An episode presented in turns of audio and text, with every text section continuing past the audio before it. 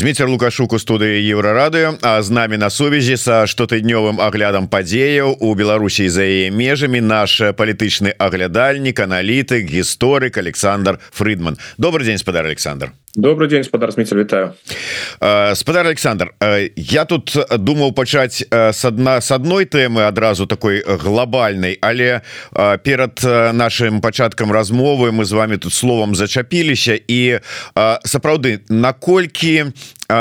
шокавым не шокавым такой як успрынялі на захадзе як у сМ так і у палітычным эстэблішменце і у звычайным грамадстве на захадзе от Еўросаюзе ЗША смерць навальнага Я напэўна пачну так бы мовіць з кола тых людзей з якімі у мяне звычайна ідзе камунікацыя з маімі калегамі шмат хто з іх усходнееўрапейскімі тэмамі асабліва і не займаецца. Гэта людзі якія звычайна цікавяцца палітыкай але не тое што вось яны так бы уважліва ўжо сашылі за тым што адбываецца ва ўсходняй Еўропе.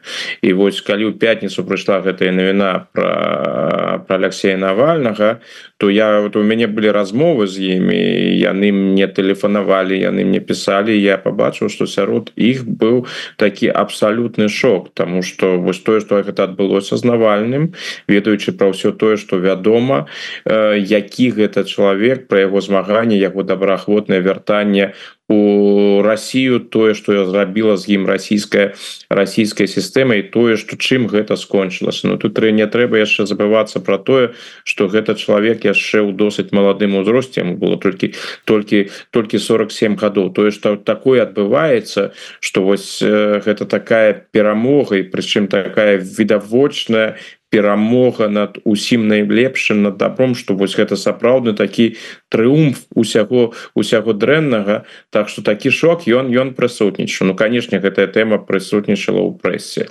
Гэта тэма як да якой калі я вяду нейкія семінары со студэнтамі заўсёды усе весь гэты тыдзень першае пытанне якое ўзнікае гэта пытанне про навальнага. Что вы можете сказать про гэта? Як вы ацэньваеце ацэньваеце гэтые падзеі? Ну гісторыя яна ж працягваецца яна ж яшчэ не скончана пахаванне не было яны нават не выдаюць э, тело нябожчыка. Так что яно ўсё працягвацца будзе. Ну а палітычна калі мы паглядзім у палітычным накірунку Ну так ідзе гэтая дыскусія про тое як захад павінен адказаць быў шэраг нямецкіх палітыкаў якія кажуць вось павінен быў усіх набыць сігнал сігнал які Путін разумее. Гэта выклік Путіна не толькі дэмакратычнай супольнасцю у Росіі гэта не толькі расправа з асабістым ворагам гэта яшчэ і выклік усім нам бо ён показвае что яму ўсё роўна что яго няма нейкіх чырвоных рысаў что ён тое что мы кажам як мы бачым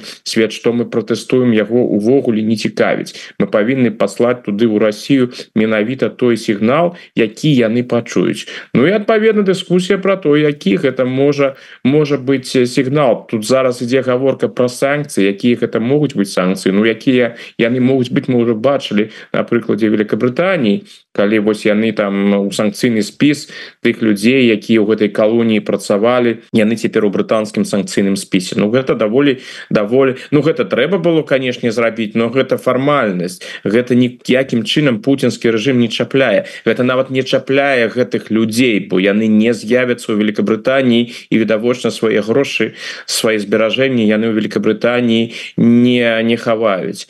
Якія яшчэ могуць быць санкцыі асабістыя эканамічныя гэта такое пытанне открытое Ну і тое что у Германии напрыклад абмяркоўваецца что менавіта Германия павінна адказаць на смерть навальнага бо дачыне бо адносіны до навальнага асабістыя. Яго выратавалі фактычна у берлінскім у берлінскай клініцы шарыте. У навальнага добра ведаюць ён знаёмы ім захапляюцца. Таму адпаведная была дыскусія про тое что можа гэта і самы найлепшы зараз момант калі Германія павінна адказаць на смерть навального не толькі выклікаўшы там амбасадара Росіі альбо забіўшы яшчэ нейкія заявы але і тым что будзе пастаўлена будзе пастаўлена дадатковая зброя менавіта ракеты дальнабойныя ракеты таурус Украіне. І дарэчы другая гадавіна расійскага нападу на Украіну 24 яна таксама до да гэтага пасуе. Ну пакуль гэта пытанне застаецца адкрытым ці будуць гэтыя ракеты накіраваны ці не. Позаўчора выглядала что хутчэй так учора выглядала ўжо ў прэсе прынамсі хутчэй не. Ну яшчэ до 24 застаецца час і хутчэй за ўсё гэты новы пакет і адказ будзе абвешчаны менавіта 24 так что паглядзім. Я б нават не выключаў что там будуць таурусы. Можа быть гэта прогучыць з майго боку рэзка але вам не падаецца что спу с боку заходніх палітыкаў экспертаў Ну вот такая реакцыя на смерть того ж самого навальнага сведчыць про нейкі там палітычны ці экспертны інфатылізм. Ну выбачайте мяне стока ўжо часу ідзе вайна паведамляюць про тыя злачынствы якія адбываюцца на акупаваных тэрыторыях і падчас акупацыі. Ідзе інфармацыя про тое что адбываецца у тых же самых расійскіх турмах. Колькі інфармацыі про здзекі над беларускімі вязнямі у лукашэнкаўскіх вязніцах. 5 чалавек фактычна забіты лукашэнкаўскіх рэжымаў беларускіх палітвязняў і для іх на фоне ўсяго гэтага раптам шок як Путін мог. Да мог лёгка судзячы по тым вот ну вы не бачыце вы не можете рабіць аналізы вам уже колькі часу кажуць про пагрозу третьей сусветной войны А вы ўсё нешта там вот э, шакуецеся і я не ведаю вот як вы патлумачыце такое стаўленне? Ну я паспрабую гэта патлумачыць як гісторык паколькі вось у гісторыкаў ёсць заўсёды прывілегія у адрозненне ад палітолагаў альбо сацыёлагаў бо гісторыкі звычайна вывучаюць тыя працэсы тыя гісторыі якія ўжо скончыліся ўжо ўсё. Падзеі былі ўсё скончылася нішто не можа ўжо уже мог могуць змяніцца інтэрпрэтацыі але падзея сама по сябе скончылася і і гэта такі прывілег калі ты прывілегія калі ты ты мусіш аналізаваць тое что ўжо скончылася. Это больш лёгка чым напрыклад тая ж паліталагічная праца альбо сацыялагічная праца якая накіраваная не толькі у мінулае яна на накіраваны яшчэ яшчэ ў будучыню. Дык вось калі нейкія падзеі ты гістарычна вывучаеш нейкія эпохі то цябе заўсёды рэтраспектыўна падаецца Ну гэта ж было было было відавочна. Ну колькі таких падзеяў Ну, ну інакш інакш яно і быць і, і быць э, і быць не магло. І гэта тычыцца і там не ведаю гісторыі сталінізму альбо гісторыі нацыянал-сацыялізму гісторыі іншых іншых дыктатураў. Ты задаеш сябе пытанне Ну як жа так люди якія там жылі яны гэта не бачылі чаму яны не прынималі менавіта такія рашэнні якія прымалі? Ну я ў якасці прыклада просто прывяду гісторыю з нямецкімі яўрэямі у 30 гады. Гітлер прыходзіць да ўлады ў 33 і ўвесь гэты час 33 по 39 і далей гэта перыметры радыкалізацыі. Сітуацыя пагаршаецца і пагаршаецца для яўрэяў і эканамічна і палітычна і пераслед выходзіць на якасна новый новый узровень і ён амаль там за выключэннем алімпійскіх перыяда алімпійскіх гульняў 36 -го года у Берліне ён не спыняецца і тым не менш нават у 38 пасля пагромаў і у 39 годзе Украіне застаюцца яўрэйскія грамадзяне грамадзяне яўрэйскага паходжання якія Германію по розным прычынам не пакінулі іх лёс склаўся звычайна трагічна іх потым просто забілі дэпартавалі там не ведаю тую ж рыгу альбо у, у мінск і, і забілі тут на месцы Ну і ты задаеш себе пытанне Ну а что яны рабілі Чаму яны не з'ехалі ў 33 Чаму яны не з'ехалі ў 34 Чаму яны засталіся ў тры пасля 38 -го? на гэтае пытанне адказаць вельмі цяжка чалавечы чалавечая псіхіка так пабудаваная что захлівыя непрыемныя рэчы про якія ты просто не хочаш размаўляць якія могуць карэнным чынам негатыўна адмоўна змяніць твоё жыццё гэта тое что ты ну як бы хочаш выкрасліць і не заўважаеш і гэта назіраецца зараз ну не жадае еўрапейская грамадскасць разважаць про третью сусветную войну яны готовыя разважаць про тую войну якая ідзе ва ўкраіне Да і то шмат хто ўжо стаміўся і не жадае разважаць про гэтую войну Ну а разважаць про тое что я не ведаю там будзе нейкі расійскі удар по Берліну альбо яны паспрабуюць захапіць там э, сувалскі карадор альбо нешта такое прыйдзецца на гэта нейкім чынам адказваць і вайна можа прыйсці ў нямецкія польскія і іншыя хаты. Ну не жадаюць людзі гэта гэта гэта рабіць. А смерть навальнага гэта тая падзея ну якую цяжка просто не не заўважыць. Тут масштаб асобы просто надзвычайны. Навальны мог жыць зусім іншым жыццём. Ён мог бы стаць абазнаным паважаным на захадзе расійскім апозіцыянерам якога прымалі якога паважалі які б атрымліваў узнагароды і больш-менш спакойна жыў бы сябе ў парыжы Берліне Лондоне альбо у нью-йорку. Навальны гэта чалавек адданы сваім каштоўнасцям. Ён абраў іншы шлях. Ён зрабіў тое гэта вось такія надзвычайныя учынкі на якія звычайныя людзі на звычайна нездатныя Ну не звычайны чалавек не знішчыць свой пашпарт як это зрабіла Марыя калеснікова і не накіруецца назад. Ён хутчэй усё ж таки э, абярэ такі іншы іншы іншую магчымасць і тое ж самае з навальным. Ён вырашыў до конца ісці і змагацца за свае каштоўнасці дакладна ведаючы што яго чакае Таму гэта абсалютна надзвычайная канешне канешне фігура. І таму пра навальным навальнага так шмат кажуць. Ну а тое что яго могуць забіць что вось Путін можа і на гэта пайсці для шмат каго у Европе у заходняй Европе на захадзе по-ранейшаму гэта падаецца падаецца надзвычайным. З пункту гледжання там усходнееўрапейскага альбо з пункту гледжання апанентаў Путина у России тут что можна сказаць? Лёс навальнага ён быў фактычна прадвызначаны. а ёсць пытанне ад нашага гледача перад тым як яго працыта пра прачытаць я працытую з нагоды чаго гэта і было зададзена ў прынцыпе. Рэальны ўплыў навальнага на расійскую палітыку быў роўны нулю а забілі яго толькі дзеля таго каб з ніадкуль не ўзнікла кух не ўзніклі кухаркі Ну а у постаці Юліі навальнай пішчыць ФСБ. Ну вы разумееце каго я цытую. Адпаведна пытанне пытанне ад нашага гледача як спадар Александр ставіцца да словаў пазняка пра навальнага і яго жонку. Адмоўна. Скажем так калі калі, калі караценька калі а калі больш разгорнута.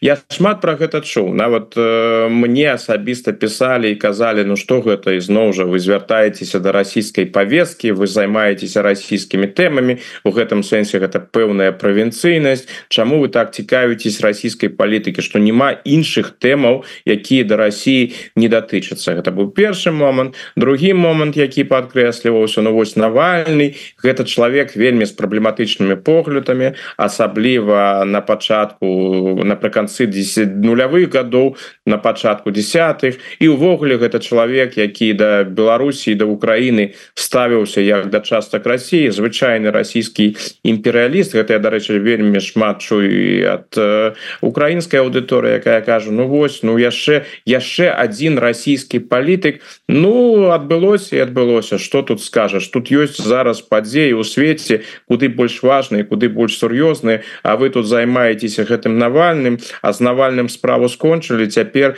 узяліся за за яго за яго жонку что тут можна адказаць на гэта першы момант я вельмі далёкі ад ідэалізацыі поглядаў Алексея навальна я сачыў за гэтай фігуры і я досыць крытычна крытычна да яго поглядаў ставіўся.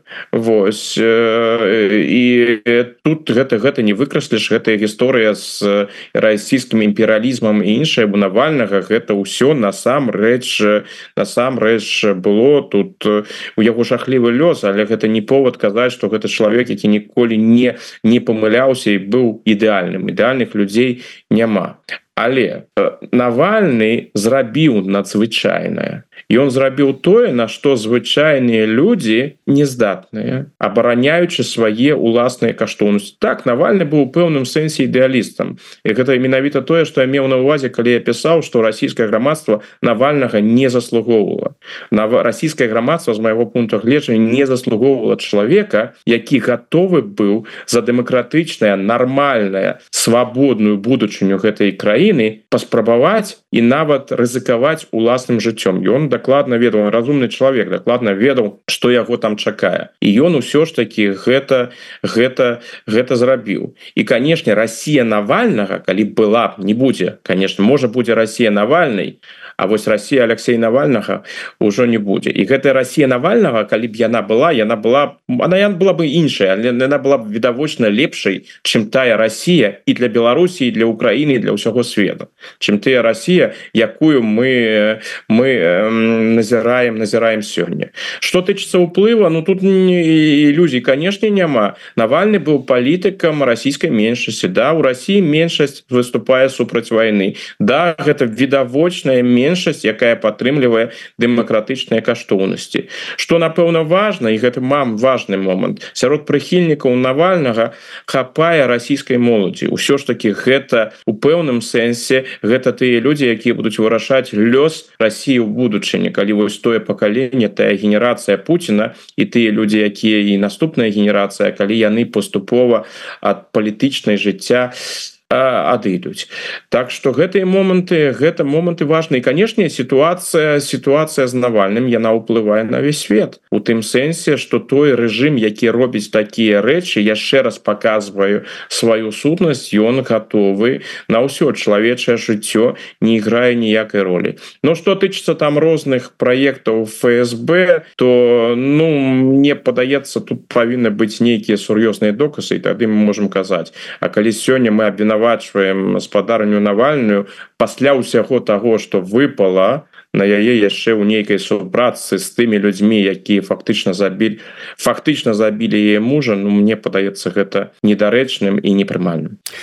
а для тых кому это для кого это бяспечна я яшчэ раз нагадываю про магчымасць подпісацца на телеграм-канал спадара Александра Фридмана каб сачыць за тымі допісамі тымі аналізамі якія ён выкладае у сябе ў телеграм-канале. Гэта здараецца часцей чым ён прыходзіць до нас у эфир тому варта подпісацца Ну і безумоўно каб не пропусціць наши з ім эфиры і размовы то подписывайтеся расшэрвайте лайкайте ставьте свои падабайки націскайте на звоночек YouTube YouTube канал еўрарадыо заўсёды з вами заўсёды побач але про бяспеку не забывайтеся спадар Александр давайте вернем звернемся до іншых тэмаў. Словы лукашэнкі про там войну вот зараз там напады груканне там там нейкіх там танкаў ля межаў. Ну па-першае гэта звычайная яго рыторыка якая мы прызвычаіліся что яна так больш агрэсіўная і больш насычаная становіцца калі там набліжаецца нейкія электаральныя кампаніі. І тады уже конкретно ён вот гэтая тэма абы не было войны я вас усіх абараню становіцца першай. Ну бо больш няма чым асабліва пахваліцца і что что паабяцаць і прапанаваць. Але пасля 24 лютага 22 года вот неяк по-іншаму глядзіш все ж таки на гэтыя яго баявыя заявы рассказы як ён там усіх пераможа як мы там усё там зробім і гэтак далей. А асабліва на фоне словаў розных палітыкаў і вайсковых на захадзе про тое что война с Россией краінаў НАТО ну немінучая фактычна ту тэрмінах толькі разыходзяцца. Гэта яшчэ больш насцярожвае і вось наш глядач под нікам Макссім піша відаць дзяды вырашылі паспрабаваць НАТО на зуб у 25 годзе як лічы спадар Фридман Вось сапраўды заявы хрэніна про тое что чарговыя вялікія сумесныя беларуска-расійскія вучэнні пройдуць на тэрыторыі Беларусі ў 25 годзе пасля вучэнняў якія сталі ну скажем так штуршком і пачаткам агрэсіі супраць Украіны насцярожваюць Як вы это ўсё аналізуеце Ну я пачну з, з, з гэтага пытання якое спадар Макссім э, задаў я б тут э, пагадзіўся але, але трошки паправіў тут э, хутчэй за ўсё не дзяды вырашылі ўсё ж таки один конкретны дзед калі тут гаворка ідзе а другі персонаж які ўсім вядомы Ну яго тут э, роля абмежаваная і і, і другасная Ну тым сэнсе что ён конечно дапамагае але ён не вырашае не вырашае гэтые пытанні. Тая гісторыя з тымі вучэннямі якія яны плануюць но гэта вельмі блізкая до таго что я назваў бы дацкім сцэнарыем. Дацкім сцэнарыем бо гэта той сцэнарый з якога сыходзіць военная выведка Даніі яны лічаць что такія вучэнні сапраўды будуць будзе канцэнтрацыя войскаў на мяжы. Гэта один спосабаў правакацыі но яны не не яшчэ яны не адказваюць на пытанне як это можа ў выніку выглядаць. Ну самым небяспечным выглядзе калі яны сапраўды сабяруць гэтыя войскі але не зробяць тое что было у у 22 годзе. То бок яны застануцца на мяжы паспрабуюць панерваваць палякаў літоўцаў латышоў і іншыя краіны і іншыя краіны нато а потым усё скончыцца. Такі сцэнар магчымы. Магчымы канешне і розныя правакацыі. Датчане таксама сыходзяць. Менавіта з правакацыі там можна і паветраную прастору парушаць ну ўсё что ўсё что загодна зайсці на тэрыторыю іншай краіны потым выйсці то бок сапраўды прашупаць паглядзець паглядзець на тое якая якая будзе будзе рэакцыя дарэчы у найгоршым выпадку можна нават паглядзець сіламі лукашэнкі то бок калі паветраную прастору будзе парушаць не расійская авіяцыя а беларуская авіяцыя калі заходзіць там на тэрыторыю Польшчы там на некалькі хвілінаў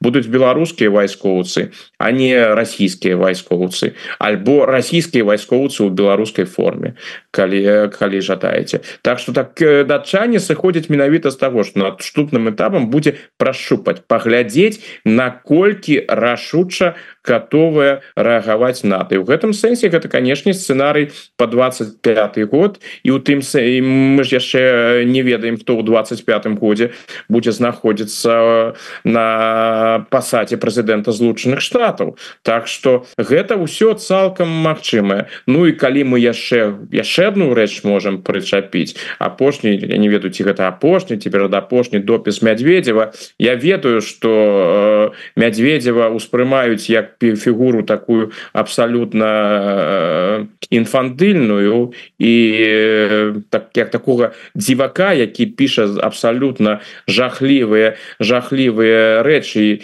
і звычайна нават у у не лепшым стане так бы мовіць гэта гісторыя з яго алкагалізмам так званым. Яна ж таксама вядомая так бы з яго пацяшаюцца і кажуць Ну что вы тут робіце? Мядзведзева вы ўжо каменціруеце я б тут таксама быў бы вельмі асцярожны як бы нам не атрымалася такая сітуацыя что гісторыкі будучага будуць глядзець тэксты вось гэтага мядзведзева которого пераважная большасць сёння лічыць таким злобным клоунам і будуць казаць вы куды усе глядзелі? Вы смяяліся з яго А вось гэты мядзведзяў пісаў менавіта тое что потым і адбылося. Дарэчы у гісторыі мы маем такі выпадак. Двадцатые годы і тое что пісаў гітлер якога таксама разглядалі як фігуру абсалютна маргінальную. Ну піша там ён піша нейкія абсалютна дзікунскія рэчы. У 33 годзе прыйшоў да ўлады і стаў сваю праграму тое пра што ён казаў яшчэ ў двадцатые годы гэта стала нямецкай рэальнасцю а потым еўрапейскай рэальнасцю. Дык вось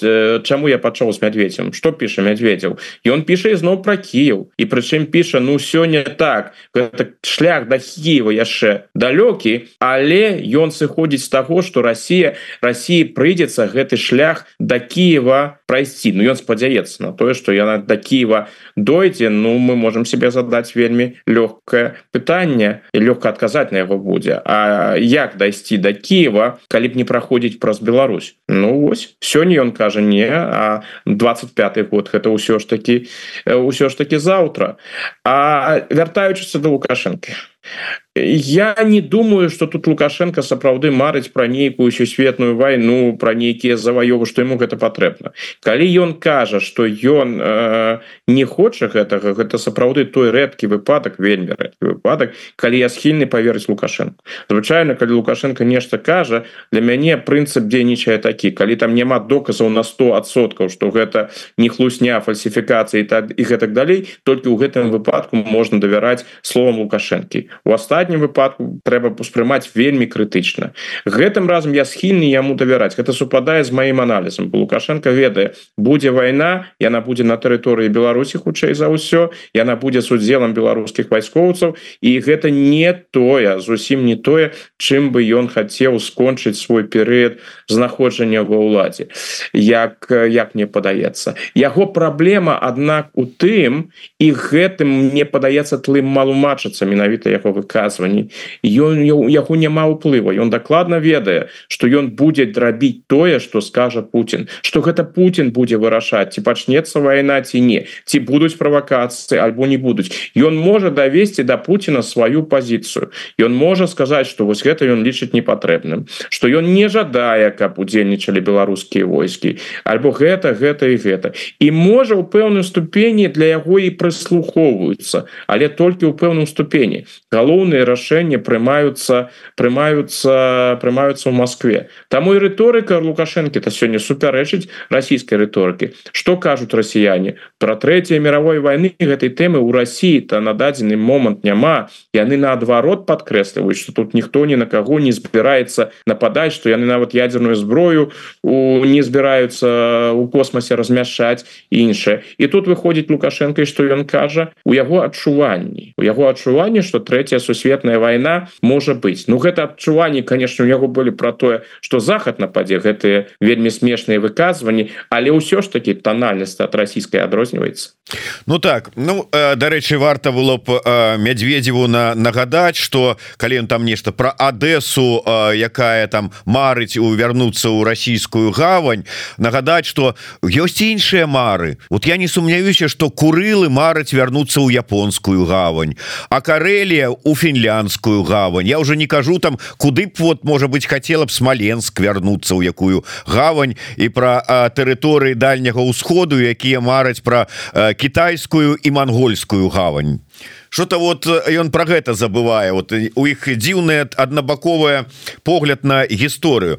Але э, я вярнуся до да Беларусі і э, да сітуацыі с выборами дарэчы уже калі про э, выборы вернемся. Э, гэта на фоне выбораў э, выбарчая рыторыка байдена про звар'яцелага сукіна сына Путина ці это ўсё ж таки такая зараз будзе дзяржаўная позиция ЗША Ну гэта такая я б сказал все ж таки спецыфіка байдена. Публікацыі показваюць что ён гэтые жорсткія выказванні і абразы яму падабаюцца. Ён шмат чаго ўжывае у сваім жыцці і вось гэтае выказванне сукін сын яно для байдена напэўна у пэўным сэнсе нават і і і тыповая там можа галоўная та абраза не столькі ў сукіным сыне у байдена ўжо сукіных сыноў то было шмат апошні наколькі я разумею да Путина быў нетаньяху. Таксама было що там публікацыю прэсе что ён яго так называе бо яму не падабаюцца дзеянні ізраильскага прэм'ера у выпадку Путина быў канешне вельмі важный дадатак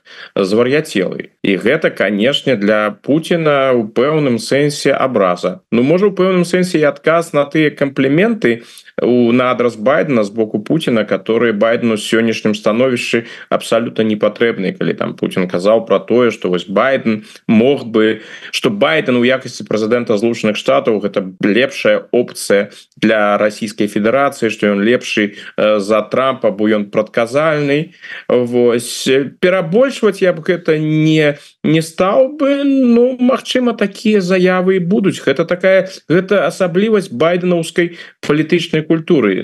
Еўрапейскія кіраўнікі там той жа шольц і, і макрон яны выказваюцца іншым чынам яны таксама показваюць что яны асабліва добра а у прынцыпе абсолютно дрэнна да Путина ставятся но яны таких просто таких выказванняў не робяць у заходнееўрапейскай палітычнай культуры такая открытая абраза яна звычайно не прыня не прынята калі ўжо ты кагосьці абражае что гэта робіцца больш элегантна. Ну байдена гэта не цікавіць. Яму спадабалася гэтая формулёўка Ну вырашыў сказаў. Ну да як такі як сапраўдны герой вестернаў.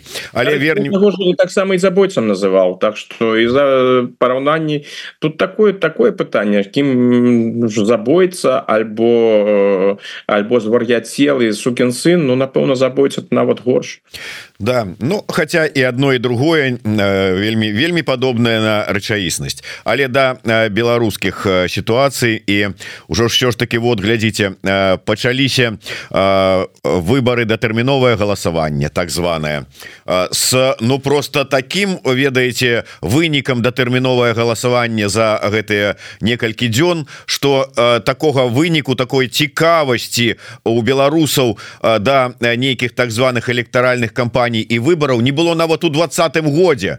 А цяпер вот бачыце як вот такі уздым цікавасці. Але і про гэты уздым что про што ён сведчыць на ваш погляд і про іншае. Ці чакаеце вы ўсё ж таки нейкіх правакацый падчас дня адзінага дня галасавання на выбарчых участках дзе-нибудь у чаусах там ці у лельчыцах? Я не ведаю там же ж он дрг так і шастаюць праз дзень праз украінска-беларускую мяжу чаго чакаць ад гэтых вот дргоў якіх усіх не паловіш? І так суткамі сядзяць у балотах бедныя кДбшнікі каб двух чалавек злавіць. А іх же ж там праз кожны дзень лётае. Ну пачнем пачнем з дрг.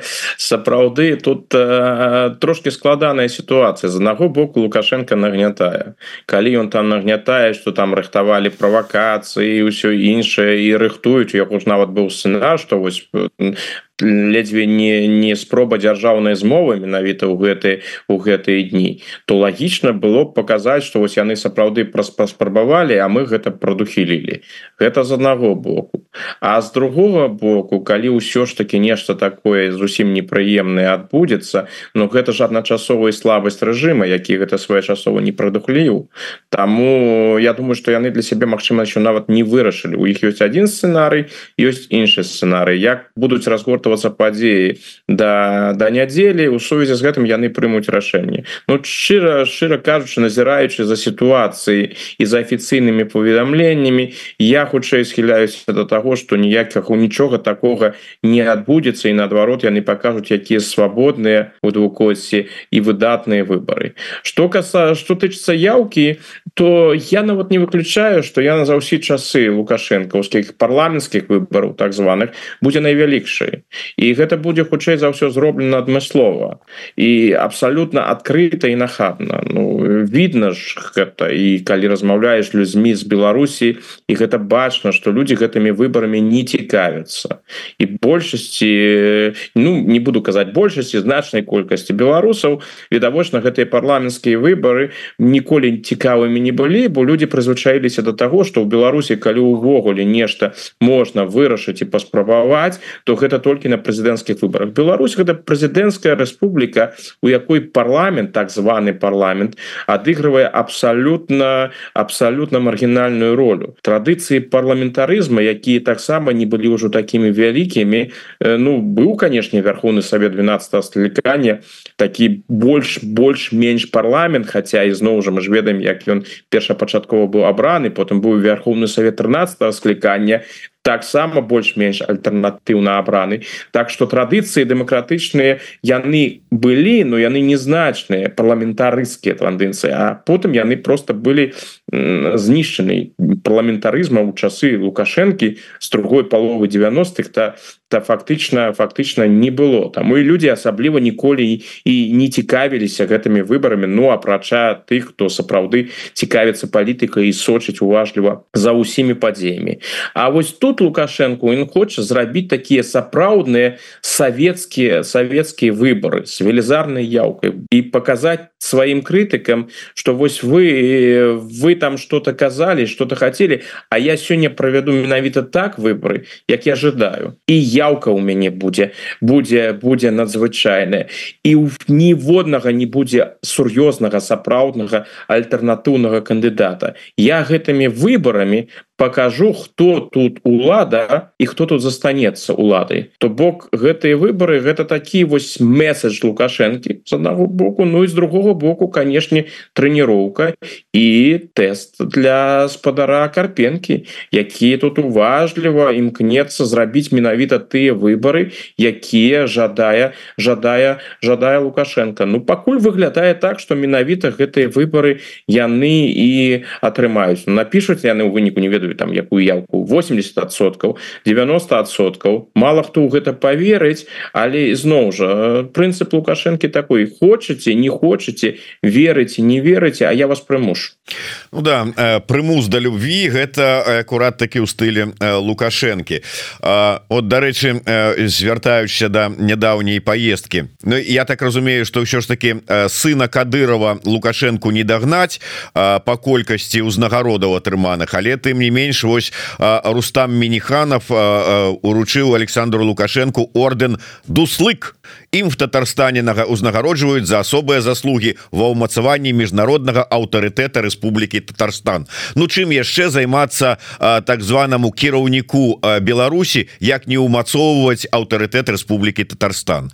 Ўсё ж таки как бы частка фактычна расійскага істэблішмента. Але як вы ацэньваеце яквогуле ўспрынялі гэтую поездку так махнули рукой і ну-ка давай-ка сюды на адкрыццё нейкага там манежа ламануўся вот ці ці што гэта ці это ўсё ж таки больш сур'ёзнае мерапрыемства бо тут выглядае так что там лукашенко рассказываў як усе еўрапейскія лідары ўжо под абцасам у ЗША і выконваюць тыя каманды якія там с Вашингтона прыходзяць і тут же на наступны дзень ламануўся на словы Путина у Татарстан некуды там нейкі манеж открывать. Ну тут тут так сказать. Тут можно процытаваць аднаго вядомага советского фильма паводзіны лукашэнкі он не мог поступить иначе і гэта гэта менавіта менавіта тая тая гісторыя. Калі яны запрашаюць калі расійскі бок кажа ты павінен быць у лукашэнкі няма ніякіх магчымасцяў. Ён не можа сказаць что ён не прыедзе.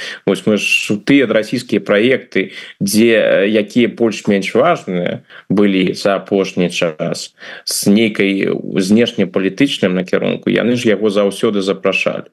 Вось калі была гадавіна блокады ленинграда і он я не ведаю ці запрашалі яны напрыклад таго ж такаева альбо рахмона но лукашенко там з'явіўся хотя фактычна гэта была унутры унутры расійская унутры прарасійская падзея тут яго запрасілі гэтым разам ён там не адзіны там яшчэ ёсць кіраўнікі іншых краінаў СНД але далёка не ўсе. І я шчыра кажучы я гэта паглядзеў не ведаеце лукашенко адзіны хто атрымаў там орден ці далі яны нейкі орден тата как такаеву рахмону мерзіёеву. Ну хутчэй за ўсё не ўсё ж таки лукашэнкі это заслугаў перад татарстана будзе будзе больш чым чым у такая умоўна кажучы і раз лукашенко даўно гуляе на расійскай палітычнай сцэне і лічыць себе часткай гэтай палітычнай сцэны Вось ну хто там яшчэ быў да там яшчэ быў гэты прэзідэнт Рэспублікі сербскай меларад додзік Ну ён ён ён вядомы спецыфічны кадр і які заўсёды знаходзіцца на расійскім баку Так что тое что ён туды на накіраваўся. Гэта для яго нават вельмі такая добрая рэч. Ён там сярод сапраўдных прэзідэнтаў. Ён жа толькі кіруе Рэспублікай сербскай у складзе Босніі герцегавіны А тут так ці інакш прэзідэнты сапраўдных суверэнных незалежных незалежных краінаў. Так что да лукашэнкі яшчэ раз калі звярнуцца до лукашэнкі лукашенко там выклікаюць яго лічаць часткай часткай расійскай палітычнай сцэны. Калі ў пэўнай ступені трэба падняць трошки падняць узровень нейкага мерапрыемства альбо Путін не хоча там прысутнічаць адзін што яму трэба яшчэ вось прадэманстраваць каб нехта быў разам з ім і сказаў трохі добрых словаў на адрас Путина то гэтую ролю звычайна звычайна выконвае лукашенко. Не ведаю ці хацеў ён туды ехаць і не хацеў. Ну калі нават не хацеў магчымасцяў не было. Калі Россия выклікае лукашенко ў сённяшніх умовах не можа сказаць не дарэчы про вот все ж таки гэтую прарасійскасць мяне асабіста здзяві здзівіла гэты як это любяць нажыв называть у розных сацыяльных сетках такі жабагадзюкінг. Калі у азаронак раптам напаў на прарасійскую актывістку мирсалімову на фоне того что губазик ходзіць як кажуць там у яго постоянно вісяць і портреты Путина і за сімволіка калі я гляжу там здаецца нават з сімволікай супрацоўнікі КДБ затрымлівалі гэтых так званых діверсантаў калі на фоне была вот інфармацыя не памятаю где-то там у якім-то раёне раёне раённым цэнтры стаять на подворках расійскія флагштоки з расійскімі власаўскімі трыкалорамі то гэта нормально А тут раптам мирсалимову мало того что завинтили на 15 суток по протэсным артыкуле за парушэнне правядзення массовых мерапрыемствах так зараз яе обвінавацілі у беларусафобіі і сказали про тое что патрыятычныя каналы не раз намякалі гэтай актывісцы спыніць беларусафобію. Я далі цытаваць не буду бо ўсё ж таки цытаваць азаронка гэта гэта э, і сябе не паважаць і э, э, на, на наш YouTube канал брудзіць але тым не менш что гэта э, калі мы паглядзім на азаронка ён же жыве сваё жыццё таксама дарэчы як яго бацька гэта напэўна сямейная гісторыя по прынцыпу за лукашенко за Россию Прычым усё ж таки по-ранейшаму на першым на першым на першых ролях менавіта тое за лукашенко за Россию безумоўно тое что яны за Россию як як без гэта гэта ўвогуле без пытанняў. Гэта не абмяркоўваецца. Але ўсё ж таки галоўнае на дадзены момант гэта лаяльнасць лаяльнасць лукашенко калі мы паглядзім на мерсалімаву то яна жыве по прынцыпу за Россию гэта яе галоўны прынцып. А что тычыцца лукашэнкі Ну я наколькі я разумею ўсё ж таки такой велізарнай прыхільніцы лукашэнкі яна не з'яўляецца можа і нават дрэнна да яго ставіцца займаецца альбо яго крытыкуе альбо лічыць что лукашенко зрабіў не так шмат для інтэграцыі з'яўляецца перашкодай інтэграцыі. Ну і канешне у такой сітуацыі яны лічаць найлепшым паставіць такого чалавека на месца тых людзей з Росіі сапраўды паважаюць у беларускай дзяржаўнай прасторы. Гэта тых людзей якія працуюць по прынцыпу за Россию і і за лукашенко ты расійскія патрыёты ультапатрыёты якіх ну сапраўды цяжка заподозраць у тым что яны не з'яўляюцца прыхільнікамі расійскіх інтарэсаў не з'яўляюцца расійскімі імперцамі. У Беларусі на іх нападаюць у тым выпадку калі яны крытыкуюць лукашенко Ну гэта гісторыя напрыклад з тым жа Андреем сустальцавым якому дастаецца вельмі моцна дастаецца нават раз-пораз больш моцна дастаецца чым беларускім беларускім крытыкам лукашэнкі. Паколькі гэта расійскі нацыяналіст відавочна расійскі імперыяліст які аднак жадае праглынуць Беларусі брачыць лукашэнку у якасці у якасці перашкоды з тымі людзьмі якія супраць лукашэнкі супраць іх дзяржаўная прапаганда змагаецца. А ў гэтым выпадку э, дзяржаўны бок ён лічыць для сябе недапушчальным что ў Беларусі ёсць яшчэ нейкія людзі якія імкнуцца заігрываць Росіі гуляцца з Росіі і пры гэтым фактычна жадаюць вынесці лукашэнку задушки гэта непрымальна таму я думаю что тут можа быть крымінальная справа. Ці я ці ўглю уже ідзе гаворка про крымінальную справу наколькі я разумею. Ну ці сапраўды яны яе кінуць за краты Вось гэта будзе гэта будзе цікавы момант. Можа і вырашаць я бы гэта не выключаў тому что а что і что чым яны асабліва рызыкуюць? Хто там будзе мерзалімову у месалімову прабачце в России у России абараняць? Ну можа там нейкія ультрапатрыятычныя каналы расійскія кшталту таких я не ведаю таких людзей якія блізкія ідэалагічна блізкія до таго ж ігора стралкова які ввогуле лукашенко не тое что не паважае альбо апошнімі словамі яго называе лічыць беларускім нацыяналістам дарэчы таксама як і вышэй згаданы Андрей суздальцаў Ну можа яны там нешта такое напишуць про яе а у астатнім расійскія мейнстрымныя прапагандысцкія медыа там рэакцыі не будзе рабіць што хочаш ўсё ж таки вот гэтая ситуация яна падобная с гэтым блогерам расійскім які нібыта застрэліўся пасля того як яго цкавалі салаўёў ды іншыя прапагандысты. Ну у пэўным сэнсе там там там гісторыя гісторыя пераклікаецца. Гэта той жа гэты блогер Андрей морозаў які больш вядомы як як мурс яго быў даволі вялікі телеграм-канал і я я нават па шчырасці скажу нягледзячы на яго ідэалагічную накіраванасць якая ну абсалютна гэта такі расійскі ультранацыяналізму і патры і не патрыятызм імперыялізм ну с усімі найгоршымі вядомымі ідэалагічнымі асаблівасцямі. Но чытаць гэта было раз пораз як аналіз чалавека які знаходзіцца там на месцы і імкнецца асвятляць падзеі больш-менш шчыра не распаўсюджвае такую звычайную хлусню як это робяць многія з патрыоты так называемые і так званые і і і расійскае міністэрства обороны гэта было раз пораз чытаць чытаць цікава бо чалавек сапраўды ну ідэйны. Яго ідэі канешне і канешне мне абсалютна не падабаюцца но чытаць гэта раз пораз чаму чаму чаму чаму не каб мець каб мець гэты погляд. Но яго канешне пачалі цікаваць бо гэта не той патрыятызм які жадае бачыць бачыць расійская ўлада. Бо у расійскай улады ён ён штучны а у гэтых людзей кшталту стралкова там не ведаю хто я кого яшчэ можна узгадаць таго ж вось гэтага нябожчыка мурза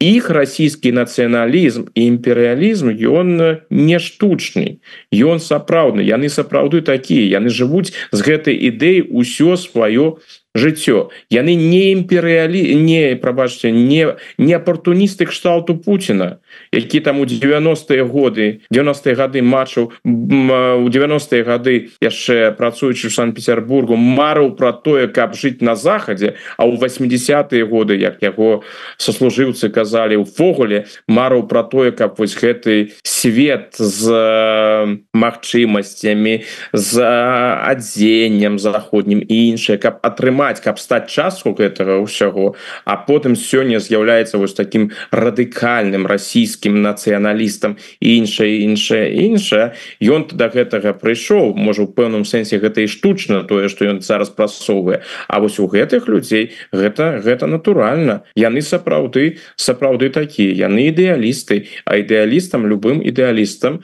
э, жыць досыць досыць досыць складана. Так что вось мурза давялі. А что тычыцца лукаш что катычыцца азаронкай кампаніі дык яны ж вучацца патрыятызму і таму як рабіць патрыятызму ад слаўёва і іншых. Слаўёў таксама чалавек якога ну цяжка западозраць у тым что ён заўсёды прытрымліваўся таких поглядаў якіх ён агучвае. Дарэчы як і мядзведзяў якога увогуле калісьці лічылі там нейкім лібералам. Ну як сказаў медведзяў гэта я быў лібералам у вачах тых хто хацеў бачыць ва мне ліберала. А я не змяніўся. Які быў такі і астаўся. Знаешь такі таким і застаўся так не будем даваць лекарскія характарыстыкі апошняя тэмаха якую хацелася б закрануць гэта ну как бы стаўленне да беларусаў беларускае пытанне таки ў шэрагу краінаў.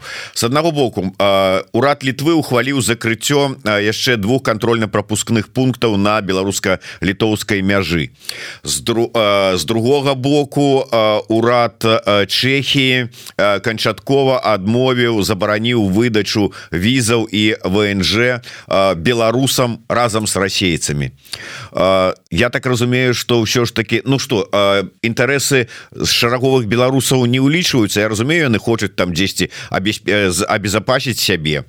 Ударыць можа быть по лукашэнкаўскаму рэжыму. Але простыя беларусы. І ці не будзе ўзмацняцца вот такія настроі такія дзеянні чым далей тым больш по Еўропе ва ўсходні я б я б тут усё ж таки зрабіў бы э, дыферэнцыяцыю паміж заходняй Еўропы краінамі заходняй Европы які ад ад войны на знаходзіцца больш далёка і краінамі усходняй і цэнтральнай Еўропы мінулым сацыялістычнымі краінамі якія дакладна ведаюць что такое расійскае панаванне что такое расійская акупацыя увогуле расійская акупацыя калі мы говорим про краіны балты ну і асабліва там і і, і рэакцыі рэакцыі адпаведны да таго ж яшчэ прымешваюцца і актуальныя палітычныя падзеі.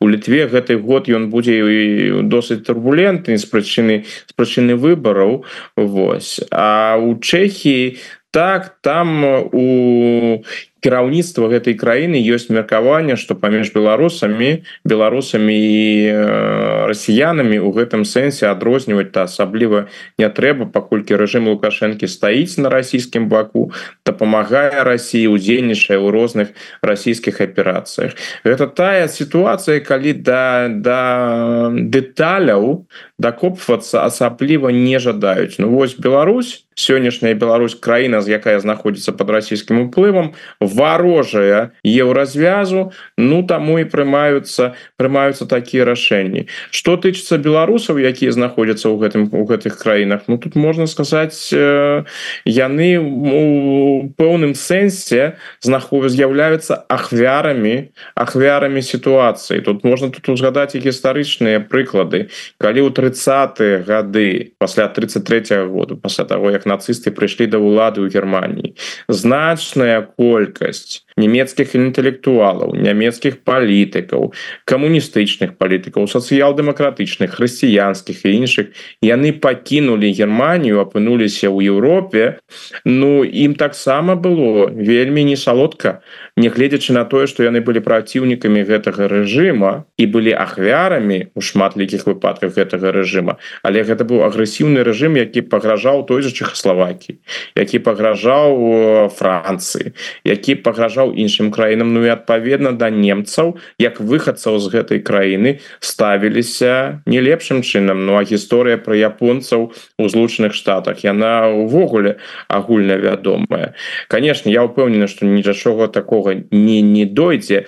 І ўсё ж таки мы знаходзімся ў 21 стагоддзе а не ў 30 гады 20 -го, 20 стагоддзя. Я спадзяюся на логіку на разуменне і на эмпатыю усходнееўрапейскіх і цэнтральнаеўрапейскіх палітыкаў і кіраўнікоў дзяржаў што ўсё ж такі яны зразумеюць што тыя людзі якія пасля двадцатого году для сённяшняга дня бягуць беларусі что гэта не тыя людзі якія пераважна якія знаходзяцца на баку лукашэнкі падтрымліваюць яго палітыку і з'яўляюцца небяспекай небяспекай для еўрапейскіх краінаў.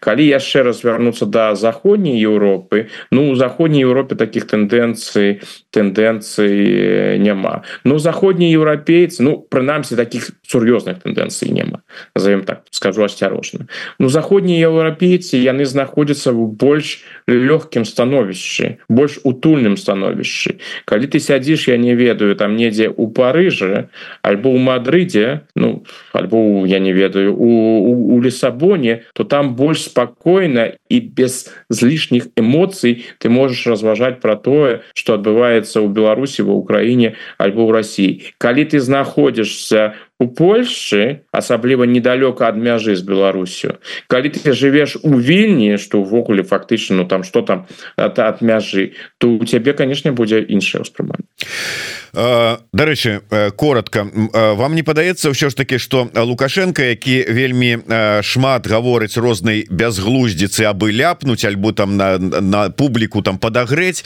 час ад часу ўсё ж таки выказывае тое что сапраўды недзе там рыхтуецца Ну і каб вот там сваю значнасць абазнанасць наперод цягніка бяжыць час ад часу. І вось гэтая сітуацыя про у стылі А я вам сейчас покажу откуда на Поль Польшу готовилась нападение. Его словы про тое что там нібыта нейкіе там спецслужбы заходнія рыхтуюць нейкія правакацыі ці дыверсіі супраць грамадзянской супольнасці грамадства у Польшы каб потым авінаваціць Беларусі Россию. А можа сапраўды нешта і рыхтуецца только не спецслужбами заходнімі а акурат такі расійскімі там плюс-мінус беларускімі каб вот ўсё ж таки накаліць атмасферу вы маеце вы маеце на увазе что можа калісьці мы даведаемся что лукашенко яшчэ быў майстрам эзопавай мовы что ён дасылаў дасылаў таким вось складаным чынам месаджы у надзеі что гэта на захадзе зразумеюць Ну я б гэта прынцыпова конечно не выключаў бы тому что мы ж сітуацыю ведаем. Ведаем якая яна на ўсходзе што чагосьці можна чакаць ад усхода. Но калі гэта так то мне падаецца калі мы вось паглядзім на публічную рэакцыю з таго ж польскага боку то гэтыя месаджы лукашэнкі Ну мне падаецца ўсё ж таки асабліва асабліва не зразумелі і калі яны ўвогуле былі гэтыя месаджы у чым я шчыра кажучы сумняваюся. Я б не выключаў і можа калісьці мы даведаемся будзе очень вельмі цікава что у рэжыма лукашэнкі увесь гэты час пасля 2022 года пасля прамога расійскага нападу на Украіну ёсць ёсць прамая у пэўным ступені альбо праз пасярэднікаў камунікацыя з захадам і что захад у лукашэнкаўскі бок таксама даводзіць сваю сваю пазіцыю і менавіта імкнецца прадэманстраваць что не мае ніякага дачынення да расійскай імперыялістычнай палітыкі для расійскіх аперацыяў а лукашенко то бок мусіць гэта рабіць бо калі ён гэта не зробіць усё будзе яшчэ горш Магчыма что гэтыя наратывы і сапраўды даводзіцца но тое что лукашенко агучвае раз пораз не гаворыць про тое что там камунікацыя нейкім чынам добра працуе. Мы ж бачым гэта ўжо колькі разоў гэта у лукашэнкі было что ён напрамую звяртаецца ці гэта ідуць інтэрпрэталі дзе інтэрпрэтацыя того что ён звяртаецца до заходніх краінаў посылае там ім нейкія месаджы А можа ён просто хоча гэта яшчэ раз так бы мовіць падмацаваць так бы мог. Мы вось посылаем А я яшчэ скажу нешта публічна. Вось хаб яны там лепш разумелі. Ну гэта ўжо такая унутраная кухня. Мы можем ацэньваць толькі публічныя заявы. Можа і лукашенко разглядаюць у рознай аналітыкі над якой працуюць у міністэрствах замежных справ там Польшчы літвы альбо альбо Геррманіі можа там усё выглядае зусім інакш. У публічнай прасторы выглядае пакуль так что тое что там кажа лукашенко успрымаецца прыкладна так Ну что вы что вы тут жадаеце гэта гэта лукашенко. Мы ж ведаем что такое вясенне абвастрэнне Ну у кагосьці бывае так что вясенне абвастрэнне пачынаецца ўжо ў лютым. Дякую вялікі Ну что ж я раю усім нашим слухачам і гледачам не отключацца не сыходзіць далёка ад экрану тому что адразу по заканчэнні вось нашай размовы с Александром фридманом у нас у эфиры чарговы выпуск программы ідэя X шукаць і намацаваць нацыянальную ідэю мы будем разам са старшынёй беларускага незалежнага прафсаюза выканаўца абавязкаў старшыні беларускага кангрэса незалежных прафсаюзам прафсаюзам Масімаў пазняковым Так что слухайте глядзіце лайкайте задавайте свае пытанні А я дзякую спадару Александру і да наступнай сустрэчы жыве Беларусь! Жыве